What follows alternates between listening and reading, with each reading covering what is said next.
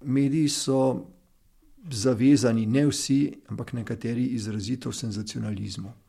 In na drugi strani je edini tak močan regulatorni mehanizem, bi bil potrošnik, ki bi se temu uprl in medija ne bi bodi si gledal, bodi si kupoval.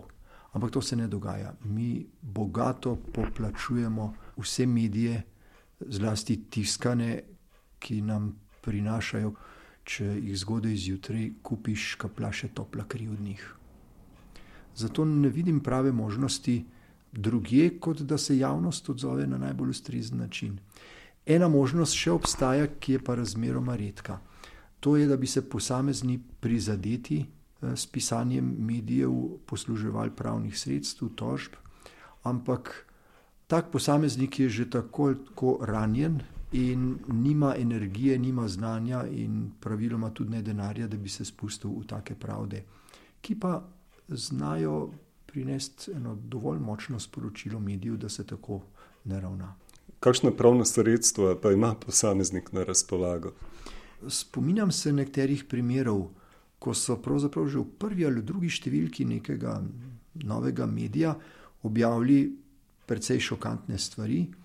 Seveda o družini, ki je bila zelo znana in ki je bila seveda tudi dovolj sposobna angažirati dobre odvetnike, ki so v trenutku dosegli prepoved pisanja o družini. Seveda je to težko pričakovati od vsakega posameznika. Druga stvar je tudi to, da potem, ko je škoda narejena, jo je tudi s temi pravnimi sredstvi in s tožbami na neki način težko zmanjšati. Stvari so nepopravljive. Lahko dobiš samo odškodnino za neke bolečine, tiste bolečine pa ostajajo, bodisi kot spomin bodisi kot neka travma. Res je pa še naslednje. Določeni mediji si zlahka privoščijo plačevanje odškodnin, ker vedo, da bojo z naslednjo jutranjo izdajo večkratno pokrili vse stroške. V zgodovini smo videli že veliko medijskih linčev, ne, to je lahko zelo močno orožje, kako onesposobiti posameznika oziroma se rešiti nasprotnika, na primer. Ja, saj pri nas imamo po mojem občutku medije, nekaj medijev, ki so še kar izrazito usmerjeni v to. Imamo nekaj prepoznavnih novinarjev, ki so prav tako usmerjeni v to. Če bi zmanjkalo osebnosti, ki se jih lotevajo, bi bili v silni stiski, o čem sploh pisati. Recimo nasilje v vrtcu, na takšne teme moramo biti bolj pozorni. jaz mislim, da pravila o tem obstajajo. In sicer zagotavljati kar se da visoko stopnjo anonimnosti in se ne posluževati takih ovinkov, po katerih slej ko prej vsakdo prepozna bodisi žrtve bodisi domnevne storilce, skratka vse vpletene.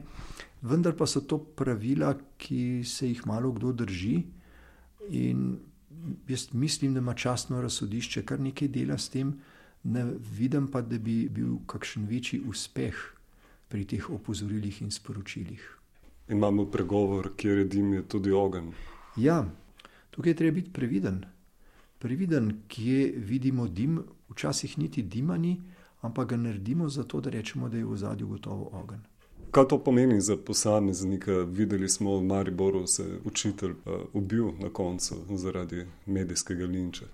To bom primerjal z navidezno neprimerljivimi stvarmi. Zdaj govorimo o uvedbi paralizatorjev, ki bi jih imela policija. Problem paralizatorjev je, da nikoli ne vemo, kako učinkuje na posameznega človeka in komu je smrtno nevaren. Enako je z medijskimi novicami.